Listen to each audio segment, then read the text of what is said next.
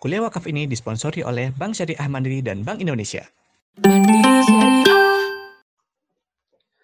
Assalamualaikum warahmatullahi wabarakatuh. Pada kesempatan kali ini kita akan mendiskusikan tentang gizi keluarga untuk membentuk generasi yang unggul. Seperti kita ketahui bahwa kualitas suatu negara sangat ditentukan oleh kualitas sumber daya manusianya. Dan kualitas sumber daya manusia sangat ditentukan oleh proses tumbuh, pertumbuhan, dan perkembangannya.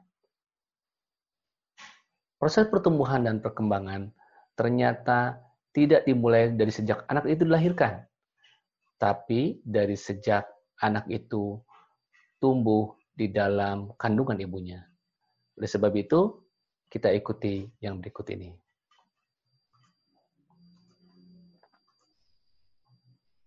Gizi keluarga. Keluarga merupakan unit terkecil dalam masyarakat. Dan oleh sebab itu, maka di dalam keluarga lah SDM yang unggul itu dibentuk. Kita memiliki masalah dalam gizi keluarga yang dikenal dengan double burden. Masalah gizi di Indonesia itu dua sekaligus. Yang pertama, gizi kurang yang terdapat pada ibu hamil dan anak. Yang kedua, gizi lebih yang menimpa orang dewasa. Jadi, di Indonesia kita mengalami dua masalah gizi sekaligus. Yang satu, kekurangan gizi. Yang kedua, kelebihan gizi. Dalam Al-Quran, Allah menyebutkan, Auzubillah rajim, Ya bani Adam khudhu zinatakum inda kulli masjid wa kulu washrabu wala tusrifu innahu la yuhibbul musrifin. Hai anak Adam, pakai pakaianlah yang baik, yang indah setiap memasuki masjid. Makan minum, kata Allah, jangan melampaui batas. Sesungguhnya Allah tidak menyukai orang yang melampaui batas. Kenyataan yang, realitas yang ada di Indonesia menunjukkan bahwa kita sudah melewati batas itu.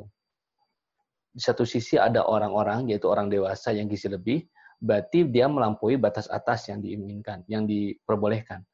Di sisi yang lain, ibu hamil dan anak banyak yang mengalami gizi kurang. Artinya batas bawah juga dilampaui. Dan itu semua berasal dari asupan nutrisi.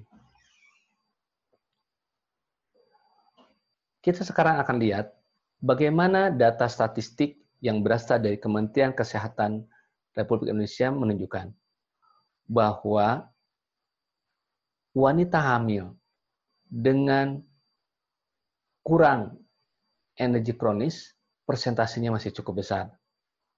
Di kelompok usia 15-19 tahun, itu lebih dari 30% mengalami kurang energi kronis. Untuk usia yang lebih besar, 20 sampai 24 tahun itu sekitar 20 sampai 30 persen. Ini merupakan hal yang harus diperhatikan. Karena kalau seorang ibu hamil, ibu hamilnya kurang energi, artinya kemampuan dia untuk mentransfer zat gizi kepada janin yang ada dalam kandungannya juga menjadi berkurang. Sehingga janinnya berisiko untuk mengalami kurang gizi juga. Selanjutnya, anemia. Ini lebih memprihatinkan lagi. Ibu hamil dengan anemia, survei 2018 menunjukkan 48,9 persen. 2013 37,1 persen. Anemia adalah satu keadaan di mana kadar hemoglobin itu kurang dari normal. Hemoglobin merupakan satu jenis protein yang terdapat di dalam sel darah merah yang fungsinya mengikat oksigen. Artinya kalau hemoglobinnya kurang, kemampuan untuk mengikat oksigennya rendah. Pada oksigen sangat diperlukan untuk proses perkembangan janin yang ada dalam kandungan. Kalau ibunya anemia, artinya jumlah oksigen yang ditransfer ke janin melalui plasenta juga akan berkurang. Sehingga tentu saja janin yang ada dalam kandungan akan mengalami gangguan. Ini merupakan satu yang sangat memprihatinkan. Hampir 50% ibu hamil di Indonesia anemia. Sudah sekitar 30% tadi kekurangan energi protein, kekurangan energi kronis, ditambah anemia juga. Ini merupakan burden, merupakan masalah, merupakan hal yang terbesar yang menyebabkan generasi Indonesia, generasi berikutnya yang ada di Indonesia tidak akan bisa tumbuh dengan optimal karena ibu hamilnya kekurangan gizi dan anemia. Bagaimana dengan anak? Kita lihat berikutnya balita dengan gizi buruk dan kurang di Indonesia berkisar antara 17 sampai 19 persen. Survei 2018 dalam riset kesehatan dasar 17,7 persen anak balita mengalami gizi buruk dan gizi kurang. Yang kurus juga di atas 10 persen. Kurus dan sangat kurus di atas 10,2 persen. Gizi kurang dan kurus atau sangat kurus ini menunjukkan bahwa balita tersebut dalam jangka pendek kekurangan makan. Dalam jangka pendek kekurangan asupan nutrisi sumber energi. Dan hal yang saya tunjukkan berikut ini juga lebih memprihatinkan lagi karena ternyata dari survei tahun 2007 sampai 2018 secara konsisten menunjukkan bahwa anak balita yang pendek dan sangat pendek selalu di atas 30%. Pendek itu menunjukkan proses pertumbuhan jangka panjang. Kalau seorang anak pendek, artinya pertumbuhannya dalam jangka panjang itu tidak optimal yang berasal dari asupan nutrisi yang diberikan dalam jangka panjang itu tidak bisa memenuhi kebutuhan tubuhnya untuk tumbuh secara optimal. Berarti dia kekurangan energi. Anak ini juga kekurangan protein. Dan bisa jadi juga kekurangan vitamin dan mineral yang diperlukan untuk tumbuh secara optimal. Jadi masih di atas 30%. Belum berubah. Apa dampaknya kalau anak itu gizinya kurang? Yang pertama, dia akan cenderung untuk menjadi orang dewasa yang pendek. Dan tentu competitiveness-nya akan kurang karena tumbuhnya pendek.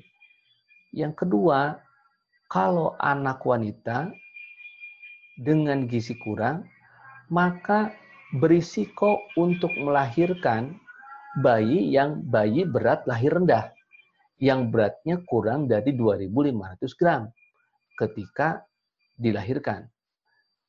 Jadi ada satu intergenerasi malnutrisi. Ketika bayi, ketika anak dia kurang gizi, ketika dewasa berpotensi juga melahirkan anak yang beratnya kurang dari normal. Yang ketiga, anak dengan gizi kurang berisiko mengalami gangguan kecerdasan. Kalau kecerdasannya tidak optimal, maka prestasi pendidikannya rendah. Kalau prestasi pendidikannya rendah, maka di masa yang akan datang berisiko juga status ekonominya rendah. Dan ini merupakan satu masalah dalam membentuk generasi unggul untuk yang akan datang.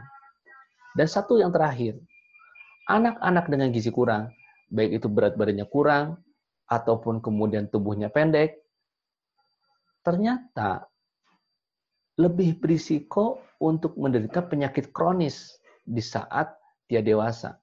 Jadi, ketika anak dia gizi kurang, ketika dewasa, kalau dia lebih gizi, kalau dia kebanyakan makan, justru berisiko menderita penyakit obesitas, hipertensi, dislipidemia, diabetes, dan penyakit kardiovaskuler saat dewasa, yaitu stroke dan jantung.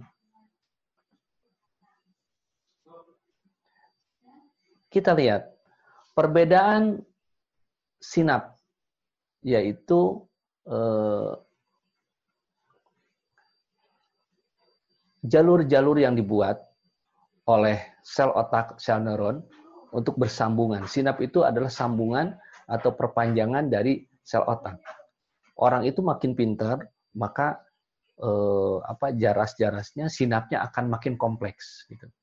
Meskipun jumlah sel otaknya sama. Nah, ternyata kita lihat, kalau kita lihat di sini, pada anak yang normal terlihat seperti ini sel otaknya. Ya, sinapnya juga panjang-panjang seperti ini. Tetapi pada anak yang stunting, pada anak yang pendek, sel otaknya terlihat tidak normal dan sinapsnya terbatas. Tidak ruwet seperti di sini. Pendek-pendek abnormal. Sehingga tentu saja kemampuan akademiknya dan kecerdasannya juga akan lebih kurang. Nah, senada dengan hal itu, kita lihat prestasi Indonesia, kemampuan siswa Indonesia dalam membaca matematik dan sains berdasarkan laporan Program for International Student Assessment PISA 2018 ini yang terbaru yang dirilis oleh oleh OECD. Ternyata Indonesia di peringkat 71 dari 78 negara di bawah Malaysia, di bawah Thailand tahun 2016, 2015 peringkat 64 dari 70. Tahun 2018 peringkat 71 dari 78.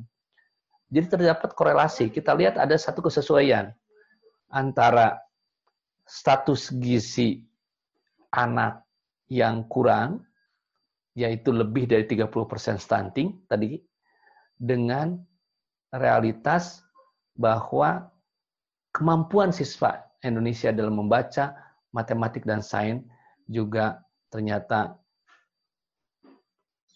rendah sekali. Termasuk terendah. Dari 78 negara, kita ranking 71.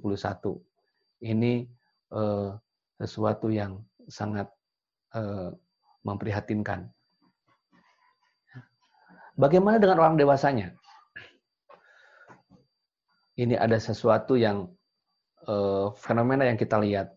Ternyata orang dewasa dengan obesitas dan overweight dari tahun 2007 sampai 2018 makin meningkat. Artinya apa? Artinya makin banyak orang dewasa di kita yang mengkonsumsi makanan lebih dari yang diperlukan. Jadi bisa jadi orang ini, orang-orang dewasa yang obesitas ini, waktu kecilnya dia kurang gizi, waktu dia dewasa ternyata lebih gizi. Dan ini tentu saja meningkatkan risiko penyakit kardiovaskuler, penyakit kronis. Demikian juga dengan obesitas sentral. Obesitas sentral itu adalah satu keadaan di mana terjadi penumpukan lemak yang berlebih di sekitar perut. Ya, yang ditandai dengan eh, kalau pria di atas 90 cm, kalau wanita di bawah di atas 80 cm. Berarti dia mengalami obesitas sentral persentasenya makin meningkat. 2007 hanya hanya 18,8 persen, tetapi 2018 sudah mencapai 31 persen. Obesitas sentral merupakan satu indikator awal dari penyakit yang disebut dengan metabolic syndrome. Kalau seseorang sudah mengalami obesitas sentral, banyak lemak di sekitar perutnya, maka dia lebih berisiko untuk mengalami penyakit kencing manis hipertensi. Trigliserida akan meningkat, kolesterol akan meningkat. Yang ujung-ujungnya yang dikhawatirkan dan paling tidak kita hendaki adalah serangan jantung dan stroke. Itu diawali dari obesitas dan obesitas sentral. Inilah keadaan kita. Ya. Nah, jadi ternyata tingginya angka kematian di Indonesia karena stroke dan jantung. Jadi stroke dan jantung itu sekarang menjadi penyebab kematian nomor satu di Indonesia. Bukan kecelakaan, bukan karena balita meninggal, tetapi orang dewasa meninggal itu sekarang penyebab nomor satunya karena stroke atau jantung. Ya. Dan trennya yang mengalami serangan jantung dan stroke itu makin muda. Ini yang harus kita waspadai. Dan itu ternyata diawali dari anak. Jadi kalau kita lihat di sini, malnutrisi itu itu ada berlangsung intergenerasi.